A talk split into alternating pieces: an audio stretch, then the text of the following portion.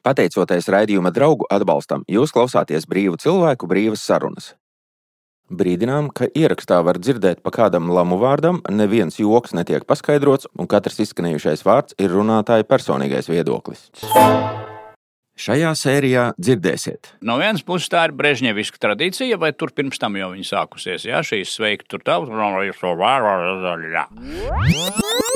Praktiski tur bija rakstīts tā, hei, šitiem augs ierosināja šito te parakstīšanu, padirs tik un tik naudas, kā nav kauna. Droši vien, ka viņam vajadzētu biežāk un dažādot tās vēstules. Kaut kā rakstīt vēl kaut kur visur citur arī.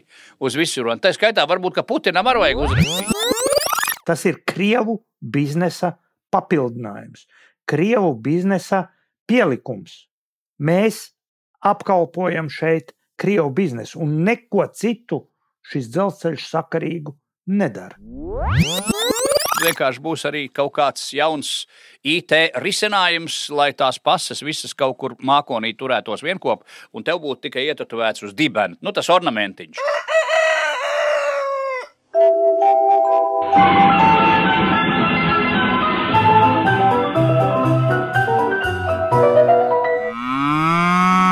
Jautājumi īsi provinces. Ja? Jā, jautājumi no provinces. Dzintris un Mārcis dzīvo laukos, bet nevar palikt vienaldzīgi pret valstī notiekošo. Jaunais eh, 2024. gads ir sācies, un es uzreiz sākšu ar tiešu jautājumu. Mārci, saki atklāti, vai Merkurs ir retrogrādā vai jau ārā? 1. janvārī izgāja no retrogrāda, kas nozīmē, viss ir pagriezies uz labo pusi. Lūk. Kaut kāda tāda sajūta ir, ka no 1. janvāra kaut kas ir mainījies. Kā tev, Dzintri? Nu, visi, ja, ap to jauno gadu, jā, es pavadīju lielisku laiku, bet uh, lieliskuma cēloņi, tad, lai paliek intrigai. Un, zin, un tad mums bija tāds pusbrīvlaiks, un jebkurš brīvlaiks, nu, tur atpūtīsies un sāks ar jauniem spēkiem, ir gluži otrādi. Ir slinkums, nu, riebis kaut ko sākt darīt. Mūsu klausītājiem nekāds brīvlaiks Klausītājiem neiznāca. nebija, nē. Katru nedēļu bija raidījums, ja kāds uh, nezina, vai ir palaidis garām, pameklējiet atpakaļ. Bet uh, ļoti, piemērota, ļoti piemērots brīdis, lai atgādinātu, ka šīs mēnesis, kurā mēs dzīvojam, ir nosaukts par godu romiešu dievam Jānusam, kurš ar divām sejām - pagātnes, nākotnes, durvju kara un miera un pārmaiņu dievs. Man kaut kāda tāda sajūta, ka šis uh, gads varbūt pusgads, varbūt gads, tiešām būs tāds, kurā viss var nosvērties daudz tā kā pa labi vai tā kā pa nu, tā kā netika labi kaut kā. Kāda tev sajūta, Mārcis? Nu, man tas izklausījās, taisnība sakot, pēc uh, latgaļu horoskopa. Citi cīši labi cilvēki, citi atkal nē. Uh, ba- Yeah. ja, nu, vai, vai nu būs tā, vai, vai būs kaut kā citādi. Jā. Um, gada sākums tiem tevis pieminētiem romiešiem uh, bija 1. martā. Pirmais mēnesis bija marts, no vārda mars, kara mēnesis. Un es domāju, šogad tas skan sevišķi svarīgi un drusciņi draudīgi. Uh, Par šo mēs vēl nedaudz vēlāk raidījumā. Par to draudīgo, bet varbūt sāksim ar jautrākām tēmām. Dzintris ir tas, kurš varbūt šajās brīvdienās no mums ir visvairāk it kā atpūties, bet viņš jau te pažēlojās, un, ka, ka nav sanācis. Bijām pielikuši pie darba. Dzintri, tev bija jāsazinās ar iestādēm. Jā, Pasaka, nu, tas ir labi, ka tad laba laika iepriekš lēnā garā tomēr var sazināties, un kāds arī dažreiz atbild. Un beigu beigās izveidojas stāstīņš. Stāstīņš ir kā par tematu, kur vienu brīdi bija ļoti liela šūmēšanos. Tas ir par tām pasēm. Jaunajām, pa kurām būs jāmaksā 60 rubļu. Jo pagājušo gadu mm, pilsonības migrācijas lietu priekšniece Rozes kundze argumentējot ar mēķi apgrūtināt pasas noturību pret viltojumiem, nu, tā kā var saprast, ka daudz vilto, tad šogad Latvijā izsniegšot jaunas pases, nu, un būšot jāmaksā 60 eiro. Bija tāda šūmēšanās, tomēr tur beig beigās, nu, jā, kaut kādā čīkstēšanas un kliekšanas rezultātā tur tā kā drusku paņēma atpakaļ gaitu. Bet es piegāju no citas puses, un maz es biju par šito dzirdējis, nu, ja viņi saka, nu, vilto daudz, laikam. Tad to kaut kā uzreiz pie, tā, pie tiem rubļiem ķērās visi, bet, bet aizmirst pajautāt, kāpēc šito vajag. svarīgi. Nu, nu, jā, kāpēc tad vajag, kāpēc tie rubuļi būs tur jāmaksā divreiz vairāk gandrīz vai? Nu, pret tiem viltojumiem es rakstīju Rozes kundzei kā, vai man tad varētu iedot ziņas, nu, cik tad tur tie viltojumi ir notikuši. Rozes kundzes kantoris atbildēja, nu, ka viņi gan izpildījuši pirms iekšlietu ministra uzdevumu, un tagad straki pārreķina un nav gandrīz laika atbildēt, bet par to, cik ir bijuši viltošanas gadījumi, pārvalde atbildēja šādi. Pārvalde šādus datus neuztur. Nu, tie, kas izdod pasis, var sakot, par šito neko nezinu. Jā, nu, viņa gan teica, ka ja pret viltojumiem, bet Nē, vai nu, vilto un cik tas ir? Nē, gan jau, labi, ka zina, bet neuztur datus, jo datu regula visticamāk tur nu, paredz visādas sarežģījumus. Jo tu jau nedrīkst tā nu, Eiropā tā, datus tā kā jā, jā, vākt, neuztur, bez jēgā. Tas ir tiesībnieku kompetence, tā rakstā pilsonības migrācijas lietu pārvaldē. Nu, es tur vazājos pa tām uh, iekšlietu ministrijām, policijām, un tur man atbildēja tā, ka 23. gadā ir uzsākti trīs krimināla procesi par viltošanu. 22. gadā ir bijuši veseli divi. Jūs iedomājaties, īstenībā Mairai vajadzēja ņemt no citas puses Procentuāli rēķinot, 23. gadā 50% vairāk nekā iepriekšējā gadā. Tā vajadzēja. Nu, di, di. Un piecos gados ir pieaudzis gandrīz divas reizes. Tas tur tā rīti, tas vēl kaut divām reizēm. Daudz netrūk, ka būtu. Daudz netrūk. Un, kad tā ņem vairāk kopā piecus gadus, tad piecos gados esot 12 krimināla procesi, bišķi vairāk kā 2 komats vienā gadā. Nu, te gan citā avotā es skatījos, nu, tā viltošana ir tā aizgājusi pagātnē, vairāk izmanto īsas. Nu, te gan, piemēram, Vidus Eiropā kaut kur esot aizturēts kāds Kongo iedzīvotājs ar Latvijas ārlietu ministrijas izdotu identifikācijas karti, kurā afrikānis norādījis profesiju Latvijā sūcējs. Nu, tā viņš ir. Putekļs. jā, jā, sū... Nē, nebija teiks, kā sūcējs nu, jā, bet kur, kur, kur šī tāda ziņa bija? Tad tur Āfrikā kaut kur atradu šo. tas, es, lai piedod avots, jo es portālā kādā skatījos par šitiem nu, jauns LV vai domāju, kaut, kur, kaut kur Kenijas. Kaut kādā. tur sūta sūcējs. Cilvēks, tur nebija, cilvēks nav bijis uh, pazīstams ar nace kodu sistēmu, jo tur celtniecībā ir tāda profesijas trūkulpūtējs. Trūkulpūtējs, jā. jā. Kaut kas, jā, jā, nu, sūcē, nu, bija vienkārši. Sūcē, tāda tieši jā, plā, plā. nekonkrēti sūcēji. Tur droši vien nav. jā, jā. Iespējams, ka tas ir kāds no tiem diviem vai trim krimināla procesiem sūcēju gadījumu. Jo īstenībā jau cita lieta gan ir interesanta, ka par to uh, viltošanu ir sūcējs un vēl daži, bet daudz, daudz vairāk pilsoņi pases pazaudē. Nu, tur ir cits apjoms un citi skaitļi. 23. gadā Eh, letiņi, nu, Latvijas iedzīvotāji, un arī nepilsoņi un visi bezvalstnieki, un kam nu kaut ko tur dod.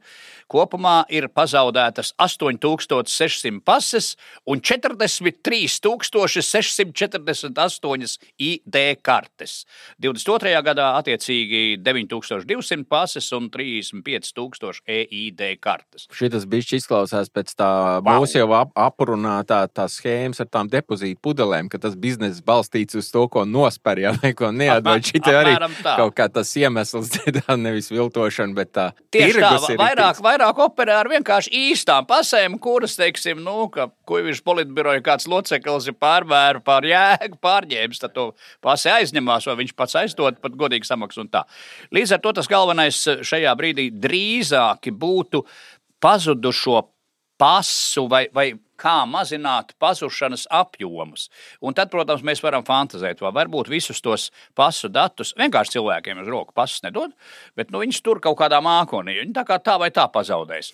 Un tam vajadzētu, lai pasargātu no pazaudēšanas, Ziniet, draugi, tas mums vēl ir priekšā. Varbūt, ka nav aktualizēti šie dati, cik daudz pazaudē iepratību sūcējiem un vēl dažiem uh, viltojumiem. Tad tie skaitļi ir apjomīgi. Un varbūt šogad blakus citiem priekiem, ko tu sākumā tur nolasīji, kādas pārmaiņas, tad, tad vienkārši būs arī kaut kāds jauns IT risinājums, lai tās pases visas kaut kur mākonī turētos vienkopā, un tev būtu tikai ietetovēts uz dibena. Nu, tas ornamentiņš. Nu, un ka tev vajag stripkods, stripkods. Ja kā mājās. jā, jā. Pagriezies ziemeļpusi pret eh, priekšniecību, Jā. nolaid biks, pieliecies, viņš čiks noskanē un Jā. redz, viss kārtībā. Tieši tā, lai to izveidot, nu, tur, tur varētu būt kaut kāds simts miljonu vai kas jauns.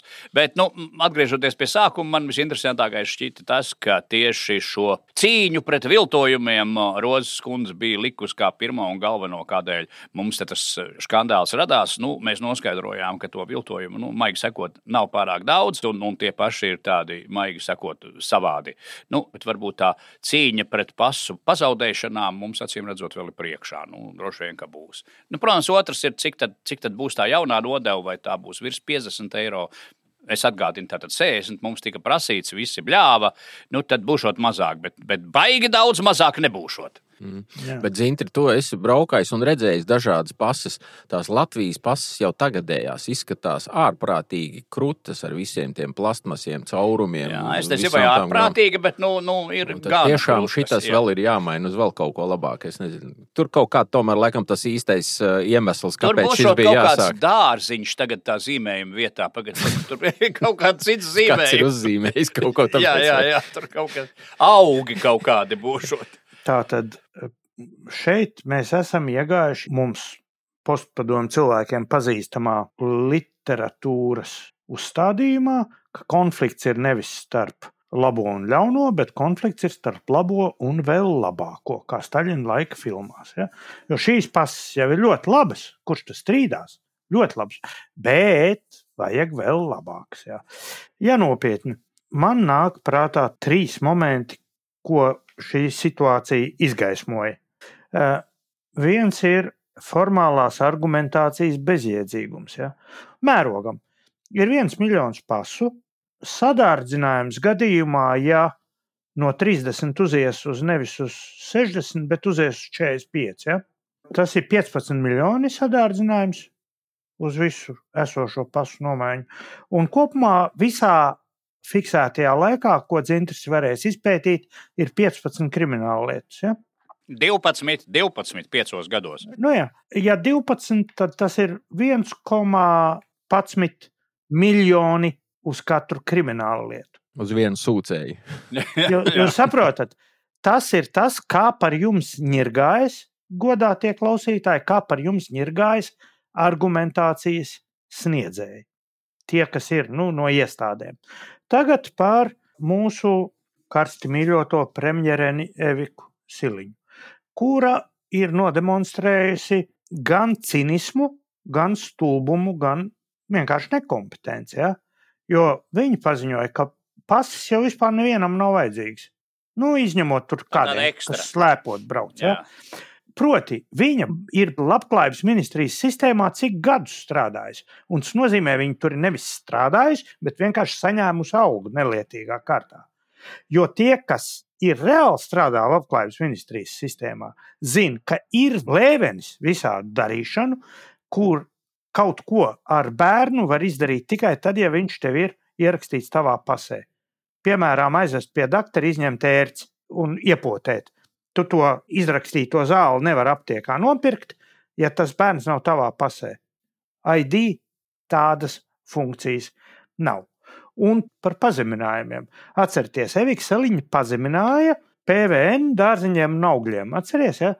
Viņi samazināja viņu no 5 No 5 uz 12. No jā. 5 uz 12 samazināja. Kozlovskis teica, nu jā, nu jā. Nē, nē, būs samazinājums. Būs samazinājums. Būs no 30 uz 50. Ja? No 60 uz 50. Nē, no 30. Samazinājums būs no 30. Ah, nu jā, no 3. No 3 jā, Samazinājums jā. Nu jā. Kozlovska vārdiem, Eviks Siliņš, tā sakot, iespējā viņš arī, jo viņš cilvēks tehniski nav debils, ja, par kādu izliekas Eviks Siliņš. Ja. Bet viņš mierīgi šito, jā, skaidrs, būs samazinājums jā, no 30 uz 45 vai tur uz 50. Ja. Un pats beidzamais sīkais secinājums no visa šī, tie cilvēki iespaidojas no tā, ko raksta platformās. Noklausās mūsu raidījumu, noskatās šādus tādus visādus televīzijas raidījumus, noskatās dažādu blogeru Facebook un klepo, pieklepo, Pieņem lēmumus. pieklepo pilnus eh, Facebook un Twitterus un valdība noraustās. Praktiski tā ziņa par to, ka nevienam nevajag bija rītā un vakarā jau bija, ka nu, tur jau uzdos pārskatīt. Tur, jā, tas jau tā jau nevar cilvēku sabižot. Ka viņa ir pārprasta. Protams, viņa... neveiksmīga komunikācija. Šis ir svarīgi. Tas ir mūsu instruments.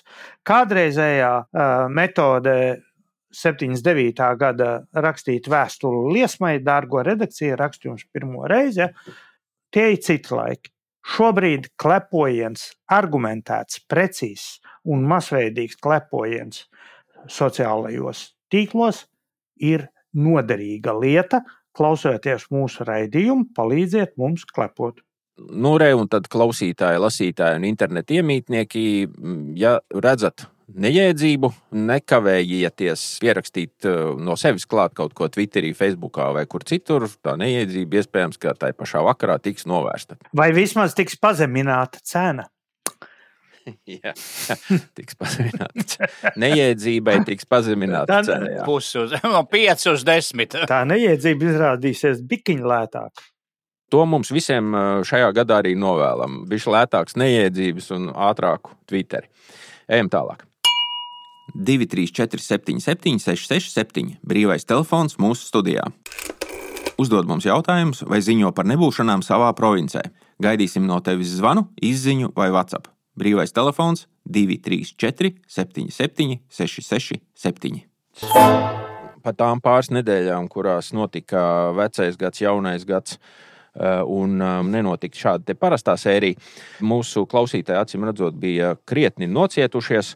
Un um, vakar uzdodot jautājumu, tikko jau pieminētajos sociālajos tīklos, tā pašā mūsu mīļajā Twitterī, tādu jautājumu mūsu klausītājiem, nu, par ko tad mēs varētu parunāt. Ienāca neparasti daudz visādu ieteikumu un jautājumu, tēmu, pieteikumu. Par dažām mēs šodien jau tikko parunājām un uz priekšu vēl parunāsim. Pārējie jautājumi paliek uz mūsu speciālo jautājumu un atbildžu raidījumu kuru mēs gatavojam visticamāk uz janvāra beigām, pirms dzintris dodas kārtējā savā uh, safari. Ja?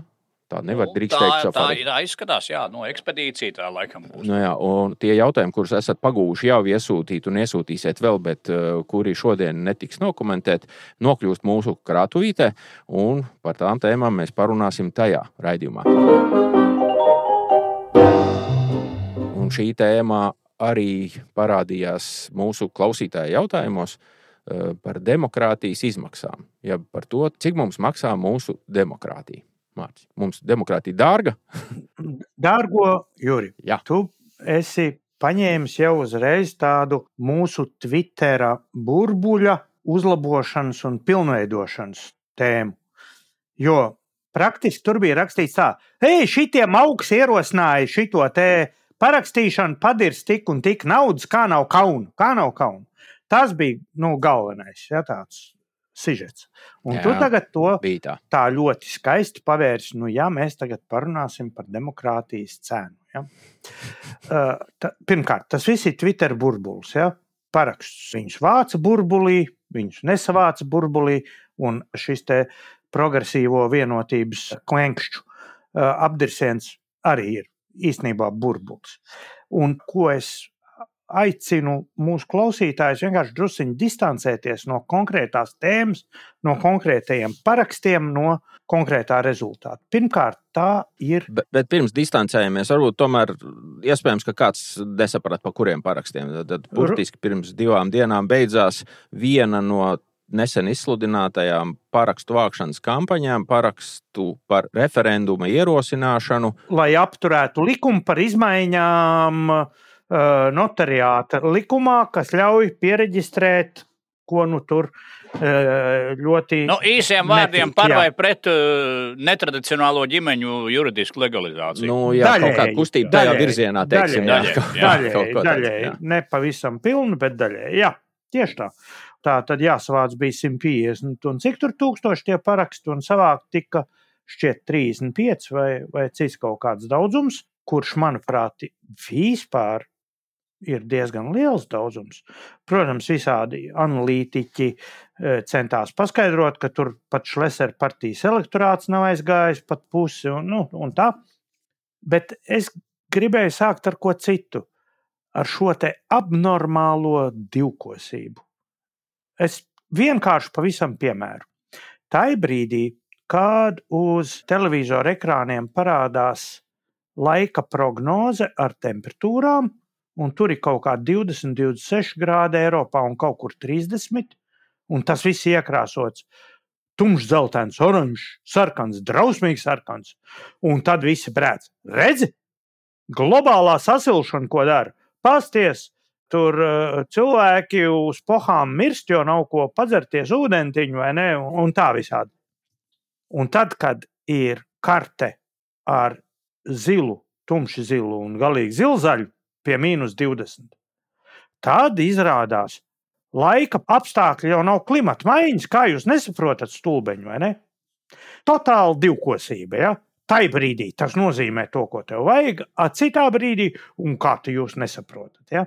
Tieši tas pats ar šīm izmaksām demokrātijas noteikto paģērēto procesu realizācijai.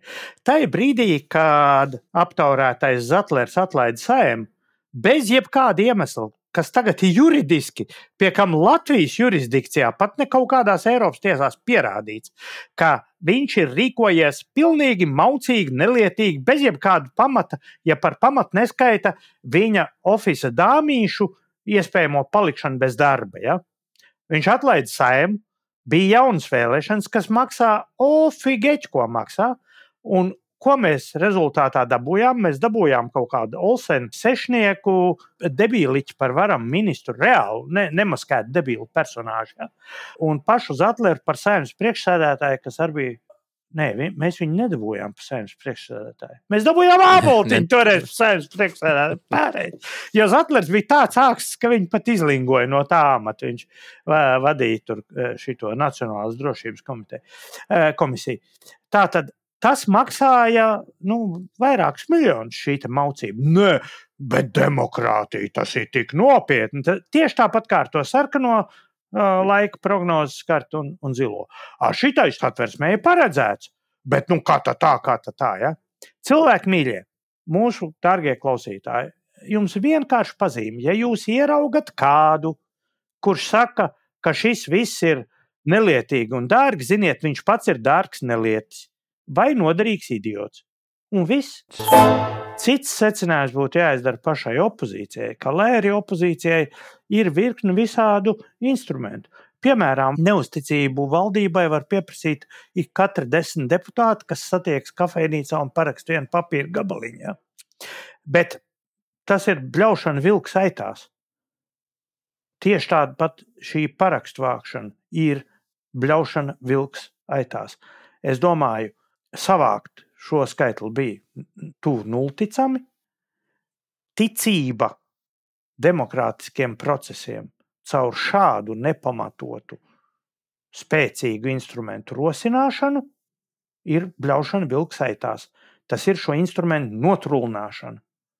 Un opozīcija ir šoreiz pierādīja, ka tā rīkojas bezatbildīgi. Bet nevis naudas ziņā, bet pašu demokrātisko procesu, pašu instrumentu izmantošanas ziņā. Un es domāju, ka viņu savu reputāciju kopumā, labākajā gadījumā, tas, ko viņi cerēja, savus spēlus uzspodrināt, labākajā gadījumā viņi palikuši, kur bija, bet sliktākajā priekš sevis gan jau, ka ir kaut ko zaudējuši. Jo viņi ir lūzeri, viņi teica, ka viņi to izdarīs, Viņi to neizdarīja. Tagad vainīgas ir visādas tur uh, vietējo pagastu vēlēšanu komitejas, kas, starp citu, kā man te aizrādīja, ir izteikti pozitīvs rezultāts tā parakstu vākšana. Jo maksāja viņi tur 960, cik tur tūkstoši, ja? teiksim, miljonus tur. Kas tas ir? Miljons. Miljons ir viena 26. daļa no SIF izdevumiem pagājušā gada. 4%. 4% no SIF izdevumiem, vai tas ir daudz vai maz? Nu, tas nav daudz. Un kur tas ir aizgājis? Atšķirībā no SIF, kur viss nauda tiek principā izšķirēta, noplinderēta un aiziet visādiem neliešiem. Ja? Šitā aiziet nu, pagastu sekretāriem, tautskolotājiem, ne tiem turīgākajiem. Nu, tur varbūt pa kādai bibliotekas vadītājai, kādam klubu vadītājam, ja? nu, kas tur sēž tajās komisijās. No šāda viedokļa tas ir tikai ekonomiski stimulējošs pasākums, atšķirībā no SIF finansējuma. Un īsnībā reāli sīks izdevums. Bet tas ir pilnīgi nesvarīgi. Svarīgi ir tas, neļaujiet sevi apčakarēt divkošiem, Un atcerieties, demokrātija vienmēr maksās. Jo, ja demokrātijas nav, tad iestājas Baltkrievija, Krievija, Taģikija un tā tālāk. Nu, kāda ir tava pēcgarša pēc šī notikuma. Skaidrs, ka mēs nekā parakstītāji paši, kā līdzdalības personas, bet nu, tā no malas vērtējam. Nu, nu, ir dažādas tās nu, protesta formāti, juridiski. Nu, protest... Kāpēc protesti varbūt ma ka, nu, nu, mēģinājumi mainīt? Mēģinājumi kaut ko, kaut ko mainīt, jā, jā, kuriem jā. ir tāds vai cits juridiskais pamats un procedūra, tā smalki sakot. Un šis ir, laikam, bija viens no tiem nu, neticami sasniedzamajiem, jo, cik es saprotu, vajadzēja 150 tūkstošus.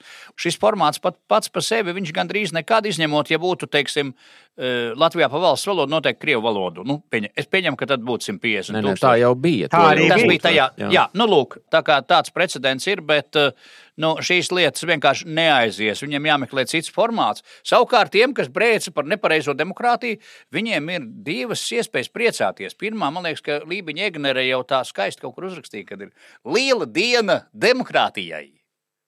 Jo tie ir apdirsušies, teiksim, tie iesniedzēji. Jā. Līdz ar to viņiem bija prieka brīdis. Nu, kā, ja, ja viņi būtu vinējuši, prieka brīža nebūtu. Un otrs, vajag tagad domāt par to naudu, nevis kas ir iztērēta, bet kas ir ietaupīta. Jo nenotiek jau pats referendums, cik tas vēl būtu izmaksājis. Un to naudu mēs tagad varam nu, novēlēt SIFam, lai uztaisītu kādu pētījumu dem demokrātijas pareizības definēšanai. Jo demokrātija arī nav tāda visatļautība, kā mēs zinām. Un dažas demokrātijas ir nepareizas, un līdz to mums vajadzētu izķert ar šito ručekistu teroristu palīdzību, nu, tās nepareizās demokrātijas, kas šai gadījumā arī bija vai nepareizi saprasta demokrātija. Šodien paliekam pie tā, ka šī demokrātijas izgāšanās svinēšana tas tiešām ir diezgan bēdīgi. Kaut arī tā varbūt ir tāda slikta ziņa. No otras puses, nu, ja runā par to, kas ir dārgi vai lēti, tad, piemēram, nu, nesen reku no politikas izspruka ārā Jānis Iesalnieks. Nu, pa lēto faktiski esam tikuši cauri no viņiem. Mēs tagad pa mazāk naudas strādās kaut kādā vietā ar, ar līgumiņiem. Un, un, gal galā ietaupīšu. Naudu, nu, ja? Lielāka nauda. Nē, nē, mazāk. Mazāk, mazāk. Tur tas jūtas. Mazāk. Tur 3,5 tūkstoši kaut kāds smieklīgs aldziņš. Viņš taču kā deputāts būtu vairāk saņēmis. Kas ir no, lēti? Tur vēl nevar ir... zināt. Tur brišk, brikšens, briškens rakstīja, ka tur laikam pētīšot, kā tas tā noticis. Esot. Jā, jā. Nu, tad noteikti viņš nepētīs. Jā. Nu, brišken, brišken draudi ir tieši kāpt turpat, kur kaķa lāst. Bet uh, to gan varētu tur kultūras akadēmija vai kur tur ar tiem 300 tūkstošu pētījumiem mums izceļās. Ja? Uh, papētīt, uh, kāda alga būtu jāpiedāvā mazjēdzīgos amatos deputātiem, lai viņus aizvāktu nu, no potenciālās kaitniecības. Jo tajā Rail Baltica projektā, kur viņam ir kaut kas jāuzrauga, spriežot pēc tā, ka viņš nekā neēdz, viņš arī neko nevar sačakarēt. Ja? Kamēr kā deputāts viņam bija viena pilnvērtīga balss un vēl frakcija tur, un viņa tā valdībā bija kādu laiku, ka nu, sarēķināt to potenciālo kaitējumu, teiksim, nu, to pašu šleseru varētu pa miljoniem četriem varbūt izpirkt no sējums ārā. Kas nu, kopumā būtu izdevīgi ekonomija. Nu, valstī. Tik dārgi. Nu, pap, nu, tu neno, nu, viņam ir milzīga jauda. Nē, ne, viņam ir, ir jā, to jā. nenovērtēt. Jā, labi. Pirms brīža es pieminēju klausītāju uzdotos jautājumus, un lai arī ir pagājusi jau vesela nedēļa kopš vecā gada un jau vairāk kā divas nedēļas kopš Ziemassvētkiem, cilvēki vēl joprojām mums jautāja, lai mēs nokomentējam mūsu līderu vecgada runas. Oh. Un mēs jau iepriekš vienojāmies, ka mēs pašas runas nekā nekomentēsim. Bet es gribēju nolikt tādu jautājumu priekšā. Ko tu dzirdi domā par pašu šo tradīciju, it īpaši par vecgada vakara runu? Vai tavuprāt, vai tu pats skaties pirms 12 televizoru? Skatījos gan, jā.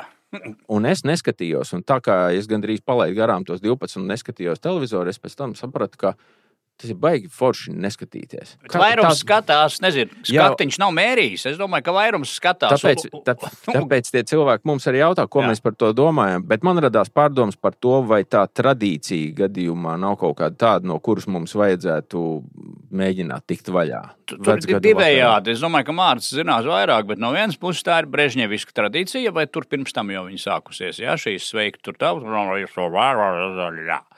otras puses, nu, valsts pirmajām personām, it sevišķi prezidentam, kurš ir tā kā, nu, Tā kā visu to tautu personificē, nu, ministru prezidents. Bet prezidents mums runā Ziemassvētkos. Tas ir nedaudz savādāk. Tas tāds bet tā kā šitajā jaunā gadā atkal bija divas uzrunas taču, vai?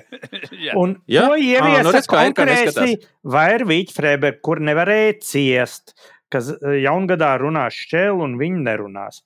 Vienkāršais privāts skaitniecības. Viņi iesākās šīs divas. Jā, ir divas. Jā. Pirms tam bija kā arī Vācijā ir, un, un vēl šur tur, kur es skatos. Valsts prezidenta uzruna ir pa dienu, Ziemassvētku dienā, pa dienu. Pagaidiet, pagaidiet, kur ir Ziemassvētkos? Prezidenta vai nu, jā, jā, valsts prezidents? Valsts jā, prezidents Ziemassvētkos. Jā, jā padomāsim par šito, padomāsim par to, nu tā mierīgi, jauki tur un tā. Un par to darīt, nedarīt, jauns gads, jaunu plānu, jaunu budžetu, runā premjerministrs uz jauno gadu. Bet arī Vācijā, vai tad viņš runā pirms 12. vakarā? Nē, tā nē, viņi tā nav tā, ka viņi stāva šampaniešu glāzēm. Nē.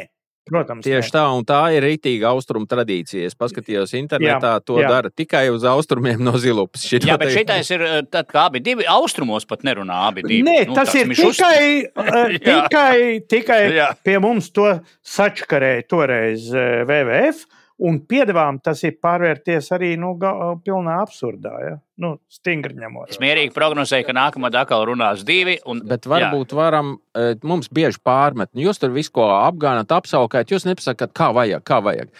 Es tā no vajag. sevis pateiktu, tā, ka nevajag tajā vecgadu vakarā līst televizorā. Ja kādam vajag tur parunāt, atrodiet kādu mākslinieku, dzinieku vai uh, personību, kur kaut ko pasakat. Bet šī gada pabeigšana ar tādu tā rezumē no valsts vadītāja, līderis mums pasaka, kā mēs dzīvosim nākamā gadā ko tas liecina par mums, kā par sabiedrību, ka mums ir jāskatās kaut kāda vadoņa norādījuma, ka, visu... ka mēs esam postpadomu sabiedrība joprojām. Mēs tādi esam. E, es gribētu sākt ar mazumiņu, ka kaut kā mēģināt tās divas runas, kuras nāk viena pakaļ otrai, vismaz atstāt vienu sākumu. Es piedāvātu, ka mazumiņš ir tāds sarunājums, ka nākamgad mēs varbūt, ja būs raidījums, uzsāksim tādu kampaņu. Neskatāmies. Nu, to pusstundu vienkārši jā, neskatāmies jā, to televizoru. Viņus neskatīsies, viņi liksies Oi, mierā. Vai mēs varētu?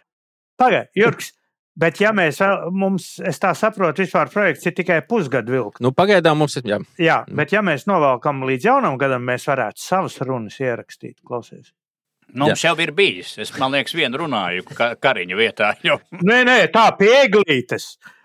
Mana mīļā à, latviešu à, tauta. Bildi šajā brīdī, kad mēs gaidām, nositām pulkstenis. Nē, tur vairākas vajadzētu. Ekspresīvo, tādu bēru izvadīšanas un kā. Nē, nu mēs trīs runas savējā varam paši. Nu. Māmulī dzirdi jau nosita trīs, ko nu dēls muldi, kur tad tie beigtie. Nu, kaut, kaut Jūt, ka kungiem ir iepatīcies, atgādina mūsu klausītājiem, kur varbūt palaiduši garām, ka mums bija tāds uh, īpašs pantiņu redzījums. Patiesībā mēs jau to, ko tikko kungi piedāvāja, izdarījām, gan jāsaka tā, pēc abu šo runu uh, izskanēšanas, bet nākamgad mēs varam saņemties un pantiņu un pasaku raidījumu ierakstīt ātrāk, un tad cilvēki var tā vietā, lai mocītos. Nu, piegānīt pēc tam internetu ar to, cik slikti tas viss bija tās runas.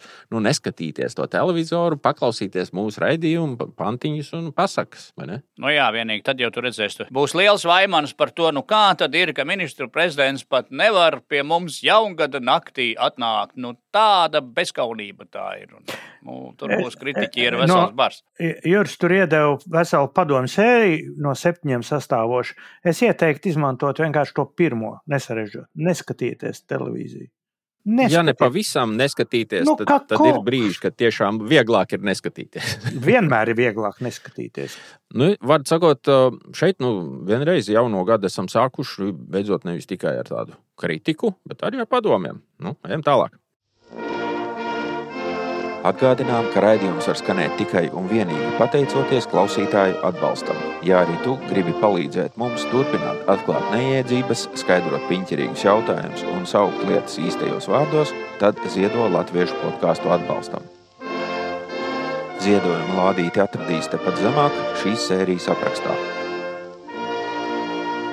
Dzintri, vai tu atceries tos laikus, kad cilvēki sūtīja apsveikumu kartiņas, rakstīja roku, sūtīja visiem radiem draugiem apsveikumu kartiņas, atklātnītes? Ceļojumos jau vēl tagad tāda ir virkne ceļotāji, kuru viens no rituāliem esot ļoti tālās zemēs, un it īpaši kaut kur tālo zemju tālākajās vietās atrast nošņurkušu pastkantorīti, un no turienes tā kā Misters Bīns aizsūta sev atklātnīti. Tā kā starptautiskā arēnā tas lai arī grūti izdarāms, bet vēl ar vienu tomēr notiek. Jā. Nu, redz, kā tu mums speciālists šādos jautājumos un situācijās, un tev arī ticis mūsu nākamais sižets par vēstulītēm. Nu, jā, nu, tas arī vēstules uz tālu zemi, uz Briseles zemi, kur dzīvo tāli ļaudis, kuri tālu, augstu nu, tā kā vecos laikos rakstīja Rīgas balsī, vai, vai kam tur vēl padomu jaunatnē par kādu ūdensvadu, kurš ir jālabo un tā, tad mūsu, nu, mums tāds seriāls jau ir, jo mēs sākam skatīties, ka tāda tradīcija, tāpat kā no tām tālajām Āfrikām rakstīt sev kartītes, tā Armāns Krause, zemkopības ministrs, ik pa brīžam raksta uz Briseli. Un tad vēstules nones uz Briseli. Pirmā tāda vēstulī bija 3. oktobrī, kur viņš tad, kā nu te smalki, rosināja dalību valstis spriest par Krievijas graudu importa aizliegumu uz Eiropas Savienību 3. oktobrī. Nav teikts, kāda bija atbildes reakcija, bet nākamā vēstulīte ir jau 23. gada 11. decembrī. Es no kuras pasta nodaļas jā, kur krauze, no, laikam, no, no kādas citas, jā, no citas nodaļas, nu, lai domātu, ka dažādi tur raksta, viņš atkārtoti aicina Eiropas Savienības ministrus un komisiju sākt diskusijas par to pašu. Un 2024. gada jau nākamībā mēs redzam, ka 23. janvārī uh, Armāns Krause laidīšot nākamo vēstuli uz Briseli, kur viņš atkal aicinās. Pa, starpu viņš arī ticies ar to zemkopības komisāru, tādu Janušu Vojcehovski. Es saprotu, ka viņš ir tā kā no tiem poļu liberastiem vairāk. Viņš arī to ir aicinājis bez kavēšanās strādāt uh, pie graudu importa aizliekšanas. Un Vojcehovskis pauda atbalstu Krauzes iniciatīvai, atzinīgi novērtējot ierosinājumu par Krievijas graudu un, un citu produktu importu aizliekšanu. Viņš arī izpētījis, ka Lietuvai un Igaunijai esot uh, arī līdzīga nostāja, ka vajagot sākt diskusiju par importu aizliegumu Polijai. Skaidrs nostājas nesot pārstāvi varētu paust vēlāk. Nu, ka būs skaidrs, kā polijas jaunā valdība virzīs prioritātes un tā. Un attiecībā uz Somijas nostāju nu, ir atbalsts tā kā kopumā, ka jāsamazina atkarība, taču valstis ir skeptiskas par sankciju piemērošanu pārtikai, ņemot vērā globālo pārtikas krīzi. Un zemkopības ministrija, nu es nezinu, vai tad vēl rakstīs vēstules, jo paralēli te parādās jau arī tāds vaimanu vēstules, ka Jā, tas apjoms, kas no Krievijas iet cauri Latvijai, mēs laikam esam kaut kādā otrā vietā pēc importa. Es dzirdēju, Spānija pirmajā, mēs otrajā eh, Krievijas lauksaimniecības produktu importā. Eh, ja tas apjoms būtu aizliegts, tad ostieņēmums samazinātos par 60 miljoniem eiro un dzelzceļa par 40 miljoniem eiro. Man nāca prātā cita lieta. Es kaut kur jau izpaudos, ka, nu, ja mēs galīgi nevaram, tad varbūt tur katrai tonnai piemērot tādu Ukraiņas nodevu. Nu, kamēr viņš iet cauri, vienkārši. Tu tagad arī uzreiz ar priekšlikumiem. Nu, bet... kaut, kā, kaut kā tā, nu, riepām. Bet, ko būs... tu ieteiktu Krauzes kungam? Varbūt viņam vajag biežāk rakstīt vēstules, vai, vai, vai garākas, vai kā, kas, kas tur nav tā vēsts? Kāpēc Daž... neiet? Nē, ir arī Briškens tagad nāk palīgā. Viņš te rakstīja, es atbalstu ideju par asiņaino graudu importu aizliegumu. Tā kā ir jūtama rezonance jau no eh, nu, tādiem labticīgiem biedriem, bet uh, droši vien, ka viņam vajadzētu biežāk un dažādot tās vēstules. Kaut kā rakstīt vēl kaut kur visur citur tur arī uz visur. Un tā skaitā varbūt, ka Putinam arī vajag uzrakstīt. Nu, Mārcis jau te piesauca iepriekš, ka vajag rakstīt žurnālam liesmu vēstules. Jā, jā uz, uz visādām vietām, jo tagad noteikti Krausas kungs var teikt, mēs teiksim, jo, Hedī, tu neko nedari. Kā nedari? Mm -hmm. Un tad viņš vicinātu tādu vēstuļu paceļu un rādītu, oh, kas ir izdarīts. Patīk, ka es kaut kur lasīju tādu komentāru, ka, nu, ja mēs paši nevaram šito aizliegto vadāšanu, tad nu, cerēsim uz to, ka izdosies piespiest Eiropu aizliegt. Ja? Nu, tā, tā, tā, jā, jā, kā jā, tas, kā, to jau mēs no tām dažām valstīm, pa Somiju un Poliju runājot, nemaz pa tālāko neskatoties. Jā. Dzintri ideja, ka jāsūt no dažādām pastnodaļām nu, lai radītu tādu plašāku iespaidu, ir ļoti pareizi. Es pieņemu, tas ir no tava darba mikrofons CS6 redakcijā.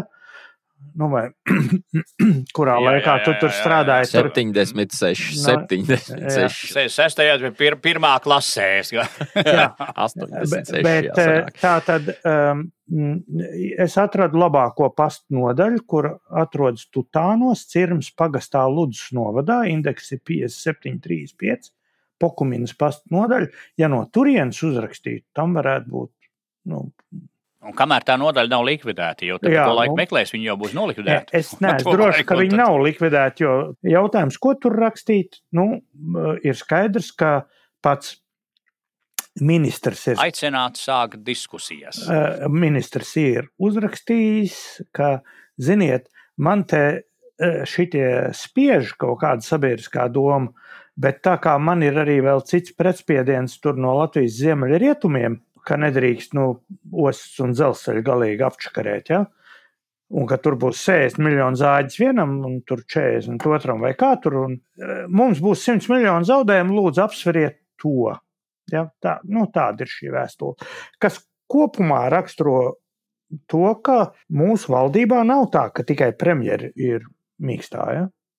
Mums ir arī bezjēdzīgs eh, zemkopības ministrs. Ja?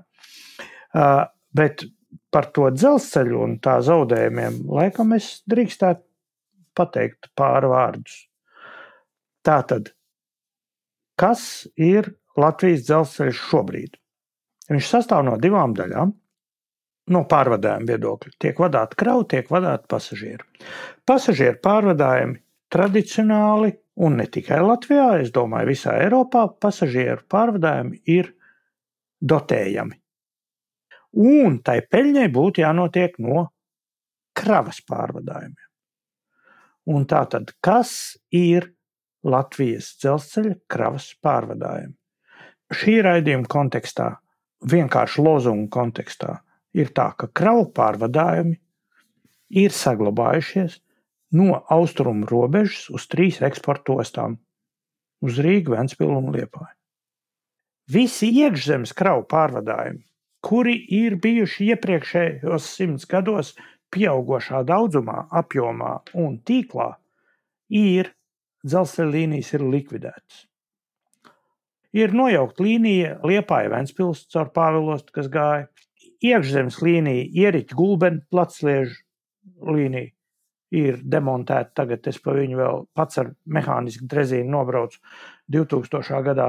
Ir demontēta līnija uz Rūjienu, Limbaģa stacija ir autoost, jo, jā, nu, ērgļu līnija demontēta. Ja?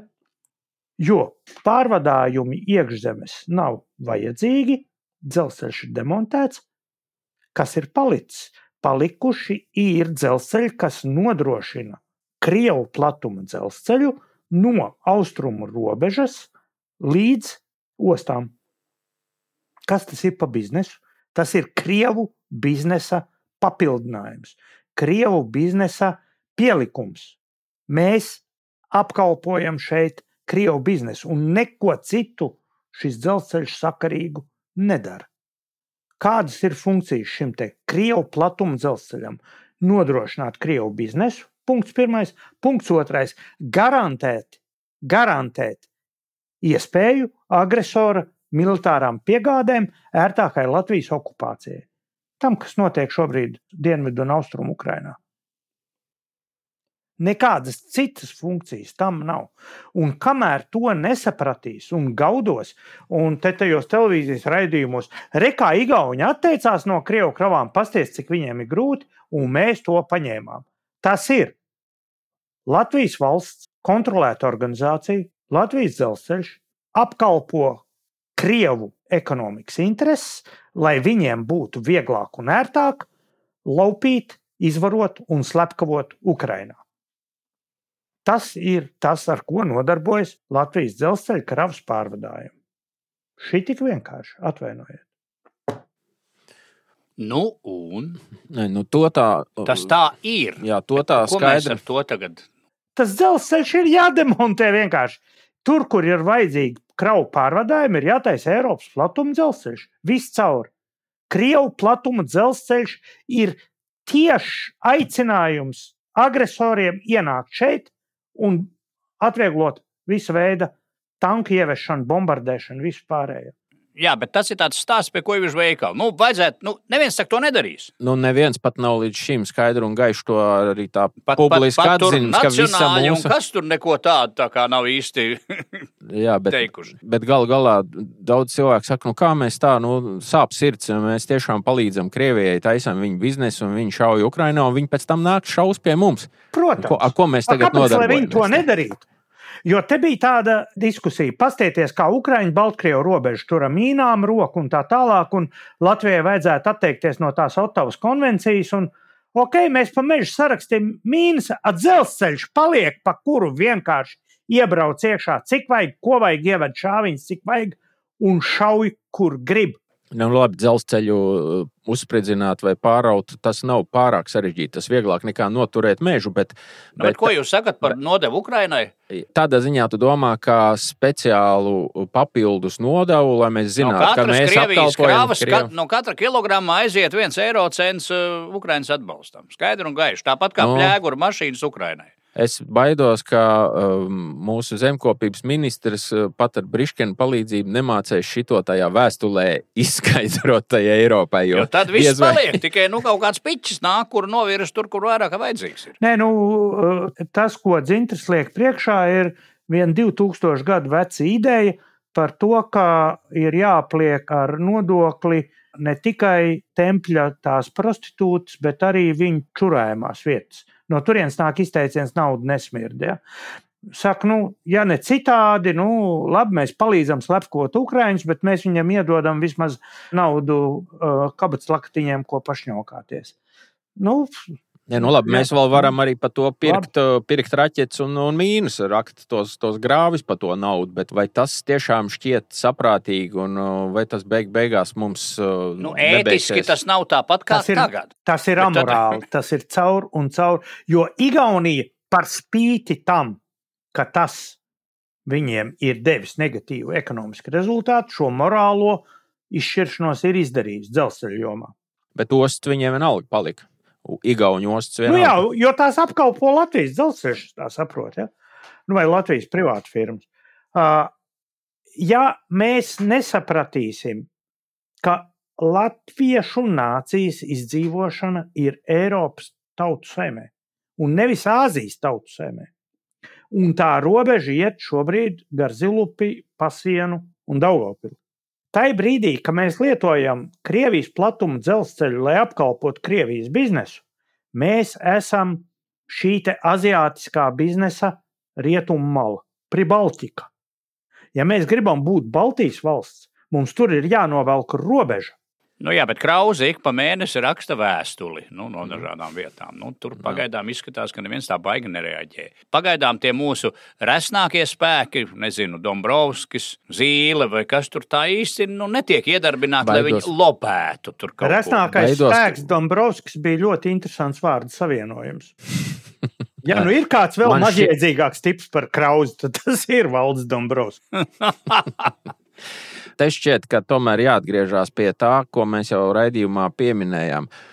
Kamēr um, tauta vai publika skaidri un gaiši nesapratīs un konkrēti nepieprasīs, kamēr sabiedrība nesapratīs. Protesta akcijas uz sliedēm. Tur ar protesta akcijām nepietiek tas ir pavisam. Bet arī tās vajag. vajag iespējams, ka vajag uz sliedēm vai kā savādāk, bet ir jāsaprot, ka tas bizness viņam nav nekādas citas jēgas, kā apkalpot Krieviju. Tā ir. Kamēr tā ir. tas bizness kaut kā funkcionēs ar jebkādiem iemesliem, tikmēr mēs apkalpojam Krieviju un viss. Un, un šajā brīdī ir varbūt īstā vieta, kur es gribēju jums abiem kungi uzdot jautājumu. Jūs esat savā brīvdienās noklausījušies mūsu raidījuma iepriekšējo sēriju, kas bija speciāla izlaidums, kurā es runāju ar vairākiem uh, ieroču cilvēkiem. Tie klausītāji, kur nav dzirdējuši, pašķiriet atpakaļ sarakstos, atradīsiet un noklausīsieties. Uh, tajā raidījumā viena no sarunām beidzās ar tādu jautājumu.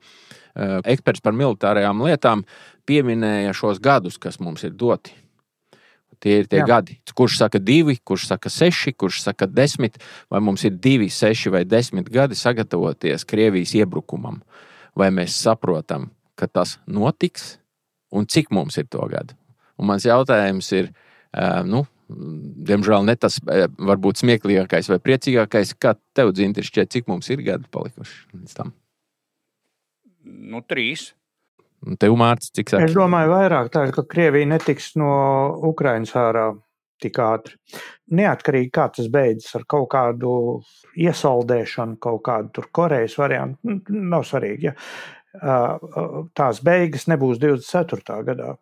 Ja nav kaut kāda satriecoša vienas puses uzvara, tad kaut kādas beigas iezīmēs 25. un 26. gadā, un tad Krievijai ir vajadzīgi gadi trīs, lai savāktos. Ja, nu, kaut kam jaunam, vienalga. Līdz ar to no tevis nosauktajiem, kādus tu tur teici, skaitlis 2, 6, 10. Ja? Es, es teiktu, ka tuvāk ir tiem augstākiem skaitļiem, tip 6, kas īstenībā ir ļoti, ļoti maz šāda veida nu, vajadzībai. Tas ir, tas ir tikpat kā, mm, tikpat kā rīt. Un tas laiks eh, ir īsāks, ja mēs turpinām palīdzēt Krievijai taisīt biznesu ar savu dzelzceļa ostām. Katra diena, ko mēs pārvadājam Krievijas kravas, ir lēna paškastrācija mūsu tautas pašnāvība. Tā ir. Jā, to, var, to naudu zina, tad to varētu pārvērst raķetēs. Cik katru dienu nu, raķetes vai, vai, vai, vai kas tur kaut kāda citu, cik tanki katru dienu varētu tikt saražoti par to naudu, ko Krievija iegūst. Jā, importējot noteiktu vagonu apjomu ar to vai citu preci. Pie kam bieži vien tie ir asiņaini, tie graudi vēl piedāvām. Tā ir asiņaina prece, ko pārvadā Latvijas dzelzceļš. Bet ejot atpakaļ pie tā manas skaitļa, es to gribētu drusku aizstāvēt tādā veidā, ka manis kā ārkārtīgi augsts raudas eksperta interpretācijā punkts viens - Krievija ir gan neprognozējama, eh, arī stulbi neprognozējama. Otrs eh, runa var būt par kaut kādiem, nedod Dievs, iekšējiem izprovocētiem nemieriem vai kaut kādiem zaļiem, pelēkiem vai krāsainiem cilvēciņiem, kuri šur vai tur varētu parādīties. Tas... Un tad, tad Latvijai un cilvēkiem ir jādemonstrē kaut kāda stāja strādāju, un nu, daudz maz jāzina, kas katram būtu apmēram jādara. Tieši par šo tiem, kuri nav dzirdējuši iepriekšējo raidījumu sarunu par ieročiem un pilsoņu bruņošanos, tieši šī tēma arī tur tika apspriesta par to, ka tā, līdz tādam karam, kur krievu tanki brauc vai viņu bruņu vilciens brauc, tur tiešām varētu būt, mēs varētu runāt par gadiem pēc tam, kad beigsies Ukrainā. Bet par citiem scenārijiem, kur arī tur tika apspriest mm, par tiem, mm. tas, ir, tas var notikt jebkurā dienā. Un ko cilvēkiem darīt, tad kurš nepaklausījās iepriekšējo mūsu raidījuma sēriju, laipni lūgtu, un Mārci. Nu, taču tieši šodien, starp tiem sešiem jautājumiem, kurus mēs izliekamies, neredzam no klausītājiem, kas mums bija. Eh, mums bija par vegāniem, bija par elektrības cenu, par vidu vadības konkursu. Es pieņemu, ka mēs tā vai citādi pie tiem pieķersimies. Bet viena lieta ir tieši par šo, par Latvijas radio skandalozo apdiršanos. Skandalozo apdiršanos. Jā, par, par mūsu gatavību par mūsu kaut kam gatavību. tādam, kas nav tanku. Latvijas Republikas civilās aizsardzības koncepcija paredz, ja tev ir kaut kas nav skaidrs, nu, šķiet, ka bombardē vai plūdu vai kas, tev ir pienākums kāds ieslēgt Latvijas radio viens un klausīties instrukciju. Tas ir likumā noteikts. Ja? Un tu ieslēdz Latvijas radio viens, un izrādās tā problēma ir tas, ka Latvijas radio viens nefunkcionē. Nevis no tā, ka raķeti iešaut vai mīni ielikt vai kas, bet no sūdu piedūmojuma. Es tur es negribu lamāties uz to rādio. Man viņi tāpat pārmet, ka es nebrēcot Mārcis pretī. Nu, saņ... bet, bet atkal no citiem nu, no avotiem, pie kuģiša veikala, pie kuģiša veikala es saņēmu nu, ziņu, kas tur īsti noticis un ka ieurba vecā. Nu, remontējot ieurba vecā sienas pakojumā. Tas, kupēt, nu, tas, teiksim, tas tā, es esmu dzirdējis pie veikala. Mm. Uh, un, un tad nu, ir tāda metode, kā rīkoties šajos brīžos, respektīvi jādabū signālu. Es nezinu, vai cilvēks saka, Dievs interesē šīs detaļas. Lai dabūtu radio signālu, balsi, esiet mierīgi līdz torņiem, antenām un gal galā radio. Es nerunāju tagad par datoriem. Ja uh, radio namā iztriec viss ārā un, un, un nekas nenotiek, tad ir jābūt kaut kādam, piedod, čumudāniņam vai pat mobilajam telefonam ar slepenu linku. Ja? Nu, pieņemsim. pieņemsim arī, ka es pie koivižu veikala dzirdēju, ka tāds links īstenībā ir. Bet viņš nestrādāja. Ak, vai? Kas man, Nu, tā, tā, tā, apmēram, izbrīns, kāds izbrīns, jā. tā, tā es dzirdēju pie veikala. Cita lieta, kas man arī eh, likās dīvaina, ka ir otra iespēja tāda, ja, ja radionamā kaut kas notiek, vai televīzijā, jo tie sakari ar torņiem ir no abām pusēm nu, tā, ļoti līdzīgi. Līdz ar to varētu arī tā, ka, ja radiomāja nestrādā, pārsviežas uz televizoru māju Zaķu salā, vai otrādi no Zaķu salas uz Doma laukuma, ja tas tiešām ir nu, tāds sekundārs. Bet, ja grib kāds- galīgi nu, tā- sūdz, tad vajag tos mēdījus apvienot. Yes, to mēs zinām. Apvienot. Tāds koncepts. Lūk, lūk, lūk tas, tas, tas ir vēl labāk. Bet tas dīvainākais ir bijis tas, ka tikai tagad braukuši un skatījušies, kā tad to varētu izdarīt. Nu, tas gan man šķiet dīvaini. Nu, tas kaut kā jocīgi. ka Tā kā būs liela sūda, tad, tad mēs visu parādīsim, kā Jā. viss ir. Bet mēs- bija līdz ar Lielajiem to- mēs esam gatavi. Jā, jā, jā, jā. tā kā te mūs nevar vainot. Nu, eh, nevar jau augstās personas, eh, nu, baigi slavēt, tad man metās ar cepurēm, bet, nu, man tomēr patīk, ka Rinkevičs vismaz tā kā, nu, tā ļoti biki liebekšķējās, ka tur kaut kas tā kā labi nav, jā. Nē, tvīts bija uh, pilnīgi adekvāts. Tikai tāds nu, mazs moments, ka, Ka, la, uh, ka labi tas nav. Nē, satversme mums nosaka, ka valsts prezidents nenes politisku atbildību. Viņam par to ir mazāk darīšana nekā mums ar tevi, Zinter. Tur ir tā lieta. Nu, jā, bet viņš drīkst izteikt viedokli. Jā, mēs arī to de- pagaidām vēl. pagaidām kuriem- vēl. Kur, tie, kuriem būtu bijis jāizsaka viedoklis un viss šie stāsti par komunikāciju problēmu, kaut kā hmm, jā, nav dzirdēts. Pat ne tik daudz kā mūsu varonīgais biškops Krauss, kurš saka 100 miljonu pa dirsu, bet vai jūs padomāt, lūdzu, kā tieši mums to izdarīt? Jā. ceram, ka mēs ar šo te sarunu neiedavām to toni visam gadam. Gan jau, ka, gan jau, ka mums arī būs kaut Netaisnojies, netaisnojies. Gan jau, ka mums arī būs par ko papriecāties. Oi, mēs priecājāmies. Būs lētākas pases. Vai ne? Būs cenu pazinājums no 3 Jā, līdz 45. Nē, Un mēs to panācām arī. Mūsu Jā, jā. mazās rociņas arī tur varbūt ir kaut ko darījušas. Nē, nē, nē. Ļoti, ļoti pozitīvi gads sācies. vai ne? Un raidījuma noslēgumā mūsu nu jau tradicionālais jautājums no provinces. Jautājumi iz provinces. Jā, jautājums Aha. provinces. Šoreiz jautājums no provinces ir ļoti, ļoti aktuāls un rezonējošs. Kā jūs domājat, vai starp diviem vislabākajiem vidu priekšnieku kandidātiem amatā tiks trešais, vēl labākais Arvila kandidāts? Paldies, ka noklausījāties šī gada pirmo sēriju.